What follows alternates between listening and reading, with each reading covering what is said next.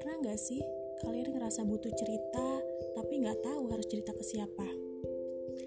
Atau kalian ngerasa bingung karena takut cerita kalian bikin orang lain nggak nyaman?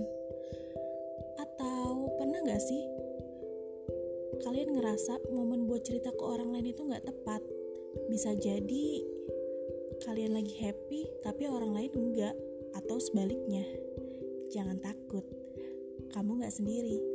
Kita di sini bakal dengerin apa pun cerita kamu, karena bisa jadi cerita kamu adalah cerita kita semua.